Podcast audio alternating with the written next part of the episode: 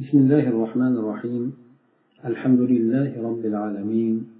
الصلاة والسلام على أشرف الأنبياء والمرسلين نبينا محمد وعلى آله وصحبه أجمعين.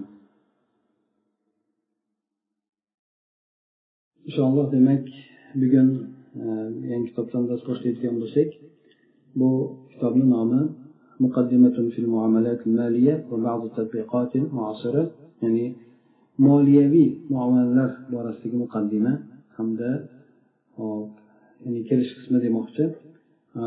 Hamda hozirdagi bo'lib turgan ba'zi o'sha moliyaviy muomalalarni tadqiqotlari. Buni yusuf shubayli degan olim kishi bu kitobni aytgan ekan. Bu o'zi aslida dars qilib berilgan davra qilib berilgan ekan dars qilib. Bu kishi yusuf shubayli o'zini alohida sayti ham bor. Mana shu moliyaviy tomondan umuman aytaylik iqtisodiy shu islom iqtisodiy hukmlari moliyaviy hukmlar bay shunga o'xshagan narsalar to'g'risida bu kishi mutaxassis hisoblanadi hozirgi paytda. Juda ko'p aksiyalar borasida ham boshqa boshqa masalalar borasida ham shu kishiga ko'plab murojaat qilinadi. Ya'ni o'shandan bu kishini demak kitobi tanlandiki hozirgi paytdagi o'tgan avvaldagi olimlarni kitoblarini ham ko'rsak bo'lar edi mazhablardagi lekin bularni hozirgi zamonaviy bo'lgan tadbiqot masalalariga keladigan bo'lsa unda o'tgan zamonlardagi bo'lgan misollarni keltiradida bunda biroz inson tushunishligi qiyinchilik tug'dirishi mumkin. Shuning uchun muosir bo'lgan hozirgi paytdagi bo'lgan masalalarni misollarni keltirilishligi hamda iborasini yengilroq suratda keltirilishligi garchi bay masalasi o'zi qiyinroq bo'lsa ham biroz osonlashtirib beriladi. Demak bu kishi avvalo bayga ta'rif berib o'tadi. Bay degan nima degani? تعريف البيع البيع لغة أخذ شيء وإعطاء شيء آخر مأخوذ من الباء لأن كل من المتبايعين يمد باعه للأخذ والإعطاء واصطلاحا مبادلة مال بمال لغرض التملك bayni tarifi shunday ekan. Bay lug'aviy ma'nosi bir narsani olib boshqa narsani berishlik degani. Bir narsani olasizda bir narsa berasiz pulga berib turib bitta tovarni olasiz masalan bu o'zi aslida bay kalimasi ba kalimasidan olingan. Ba degani quloch degani.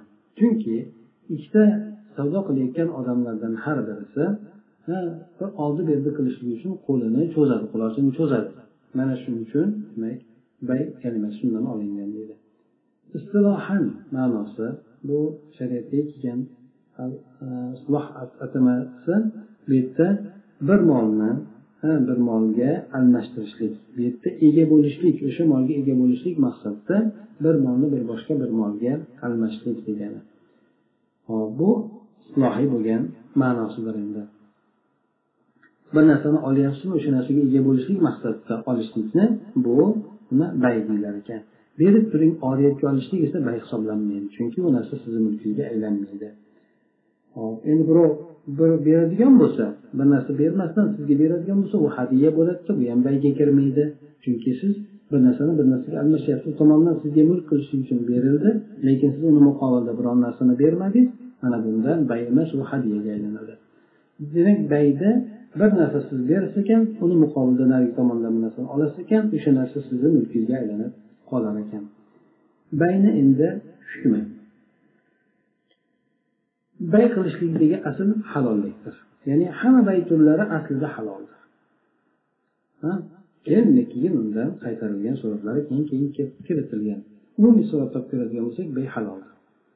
Unga taklifiy bo'lgan beshta hukmlar hammasi unga aralashadi. Taklifiy bo'lgan hukmlar qaysi? Taklifiy bo'lgan hukmlar o'sha farz vojib mustahab makruh harom muboh. Mana shu narsalar demak hammasi bay hukmiga aralashar ekan. Bu yerda albatta undan kelib chiqadigan manfaatlar yoki zararlar mana shularga qarab turib va harom bo'ladi vojib bo'ladi yoki bo'lmasa mustahab bo'ladi. Baydagi asl halol ekanligiga qur'on ham sunnat ham ijmo qiyos ham hammasi dalolat qiladi. Qur'ondagi mana bu oyat karima alloh taolo aytadiki alloh taolo bayni halol qildi va riboni esa harom qildi deb aytadi alloh taolo ochiq suratda aytdiki bayni halol qilib beribdi. Demak bay umumiy suratda halol ekan uni muqobilidagi ribo esa harom ekan. Sunnatda esa ibn umar roziyallohu anhudan payg'ambar sallallohu alayhi vasallam orqali rivoyat qilinadiki unda u zot aytgan ekanlar al bil khiyari ma lam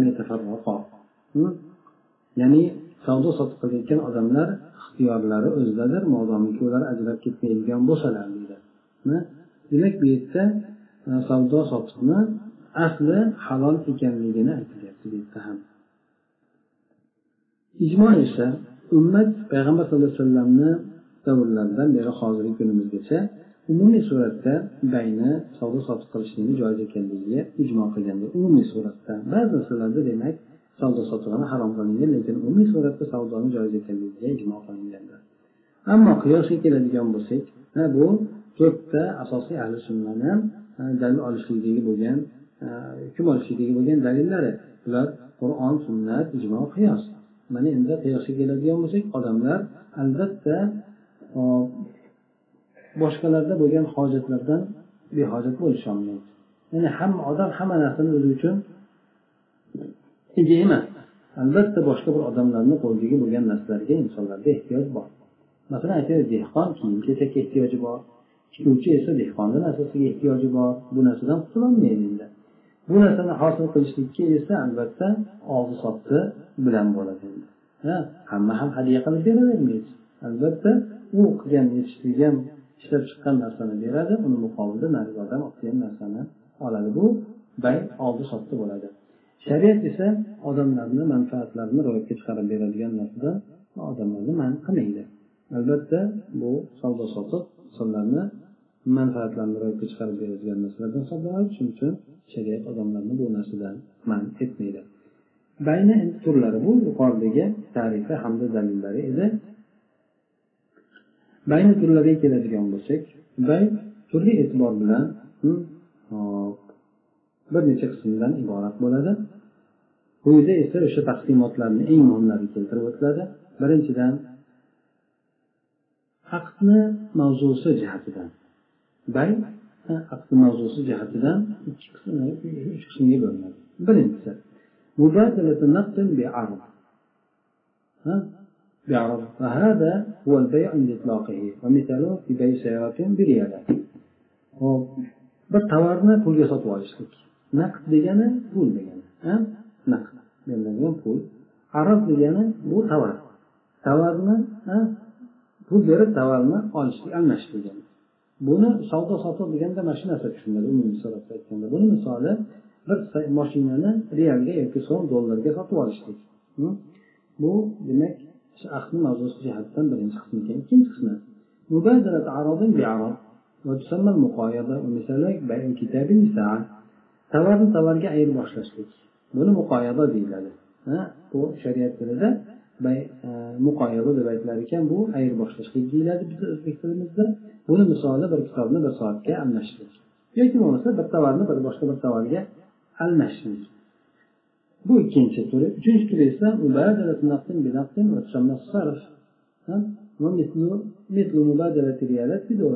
ya'ni bu yerda pulni pulga almashtirish buni sarf deyiladi. Yoki bo'lmasa bizda valyuta almashtirish deyiladi. Bu yerda real bilan dollarni bir biriga almashtirishlik kabi endi. Yoki krona bilan dollarni yoki boshqa pulni almashishlik kabi bo'ladi. Demak uch xil turdagi bay bor bu naqd pul berib pul bilan tovarni ayirboshlashlik yerdan pul berib tovarni oladimi? Ikki tovar berib pul oladimi? Farqi yo'q.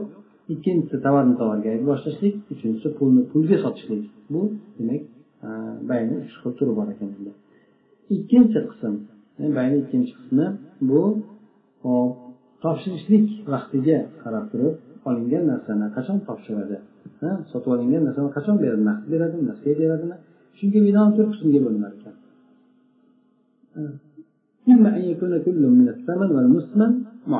endi pul ham olinadigan uni muqobilda beriladigan narsa ham baholangan narsa ham ikkalasi ham muajjal bo'lishligi ya'ni aynan o'sha paytda berilishligi ya'ni naqdma naqd bo'lishligi. Pul berasiz narsani olasiz. Ha bu boyagi asl mana shu narsadir ha?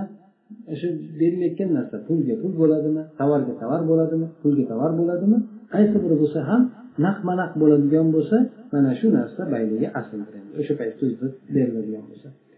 Ikkinchi surati esa bu yerda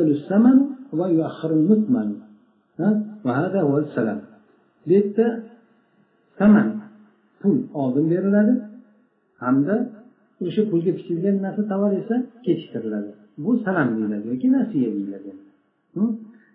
Hop pulni berasizda? Bu yerda pul oldin berilyapti o'sha olinadigan narsa nasiyani teskarisi pul oldin berib turib tovarni keyin olib kelib beriladi keyin beriladi tovar nasiyada tovarni beriladi pulni kechiktiriladi mana bu uchinchi qismi ya'ni tovarni beriladida pulni kechiktiriladi. Bu nasiya savdosi deyiladi. Bunda bay taqsid ham mana shuni turidandir bay taqsid degani bu e, nimaga olishlik? E, bo'lib bo'lib olishlik. Bo'lib bo'lib olishlik bo'ladi. Masalan aytaylik e, bay taqsid degani mashinani bir yilga oldingizda har oyda uch yuz dollardan berasiz endi. Masalan aytaylik uch ming olti yuz dollarga mashina olgan bo'lsangiz har oyda uch yuz dollardan berasiz hammasi bo'lib turib shu uch ming olti yuz dollar bo'ladi. Buni bay taqsid deb aytiladi. To'rtinchi turi esa ikkalasi ham kechiktirilishligi bu qarzni qarzga sotishlik borasida bo'ladi yoki kali bil kali bo'ladi qarzni qarzga sotishlik degani bo'ladi. Bu ikkala turi ya'ni bu esa harom hisoblanadi. Ya'ni ham pul ham kechiktirilishligi ham tovar ham kechiktirilishligi bu narsa savdo qilinadigan bo'lsa bu narsa harom. Ya'ni ikkalasi ham e, bir e, naq bo'lmasdan bir ikkalasidan biri naq bo'lmasdan sotilishligi ikkala ikkala tovarni ham ya'ni pulni ham tovarni ham kechiktirilgan suratda savdo qilinishligi bu narsa haromdir deydi. Demak yuqoridagi uchta turi bular muboh hammasi e, bu turlar naqma naq bo'lishligi yoki pulni oldin berib tovarni keyin olishlik yoki tovarni oldin berib turib pulni keyin olishlik bu suratlari hammasi joiz bo'lgan suratlar hisoblanadi. To'rtinchisi pulni ham kechiktirilishligi tovarni ham kechiktirilishligi bunaqa suratdagi savdo qarzma qarz qilinishlik degan mazmunda bo'ladida bu narsa harom qilingan mumkin emasdir ya'ni ikkalasi ham yo'q bo'lishligi bu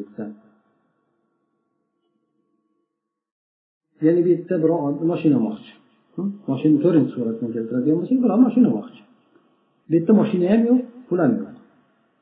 bu yerda savdo qilishligi bo'ladigan bo'lsa o'zi mumkin emas o'zi aslida bu o'zingda yo'q bo'lgan narsani sotishlik turiga ham kiradi boshqa turlarga ham kiradi ya'ni pul ham yo'q mashina ham yo'q ikkalasi savdo qilyapti bu nimaga savdo qiladi nimani beradi shuning uchun o'sha biri topilgan paytida savdo qilinadi uchinchi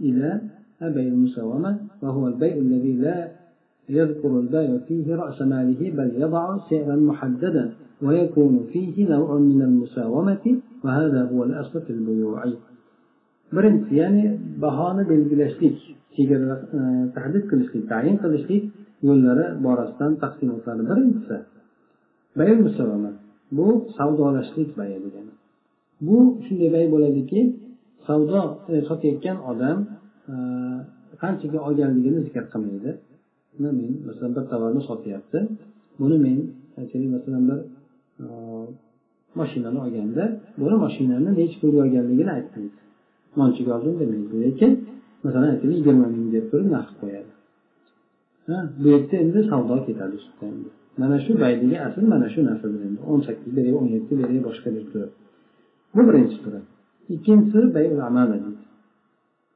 bu shunday البيع الذي يذكر البائع في رأس ماله ويضع سعرا محددا للسلعة وينقسم هذا النوع إلى ثلاثة أقسام bel amora degani bu yerda savdo sotayotgan odam o'sha qancha nimasini tanini olgan e, tovarini tanini zikr qiladi.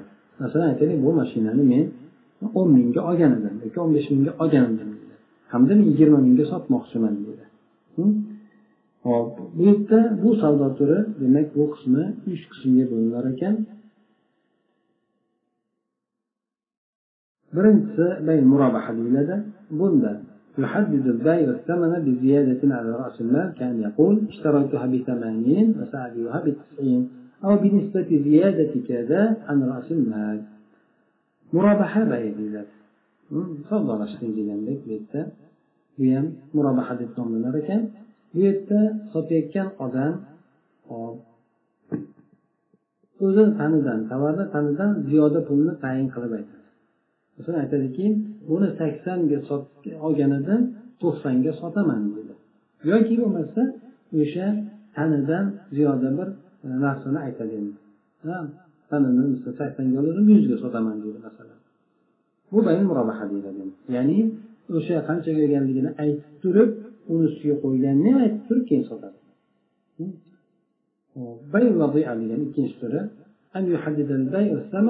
أن يحدد البيع الثمن بنقص عن رأس المال كان يقول اشتريتها بثمانين وسابعها بسبعين أو بنسبة خصم كذا عن رأس المال endi bu yerda robiya degani pasaytirishlik yuqoridagi foyda qilishlik edi murobaha ikkinchisi bayrobiya pasaytirishlik ya'ni joyga kirishlik bayani bu yerda savdo sotayotgan odam tovarni tanidan kamroq bo'lgan pulni belgilaydi tayin qiladi masalan aytadiki buni o'zi aslida saksonga sotib olgan edim yetmishga sotaman deydi yoki bo'lmasa uni tanidan paloncha zarar nisbati bilan sotib o'n foiz zarar nisbati bilan sotaman deydi o'n foiz zarariga sotaman deydi masalan. Saksonga oluvdim o'n foiz zarariga sotaman yoki besh foiz zarariga sotaman deb turib aytadi bu yerda. Ya'ni pastroq qilib aytadi. O'sha olgan tanidan pasaytirib aytadi. Buni deyiladi. uchinchi turi tavliya أن يبيع السلعة برأس ماله فيها كان يقول اشتريتها بثمانين وسابعها برأس مالها paytavliya degani bu tovarni o'zini taniga sotishligi bo'ladi aytadiki men saksonga sotib olgan edim endi saksonga o'zimni taniga yoki o'zimni narxiga sotaman deydi demak bu uch turdan iborat ekan endi omonat deyiladi bu yerda albatta u odam aniq bilsa falonchaga olganman deb aytadi. Agar aniq bilmaydigan bo'lsa mubham qiladi. Yoki aytmay qo'yaveradi. Agar aniq biladigan bo'lsa bu borada aldashlik bo'lmaydi. Masalan yuzga olib turib men ellikka olganman deyilishligi bu narsani harom bo'lib qolishiga sabab bo'ladi.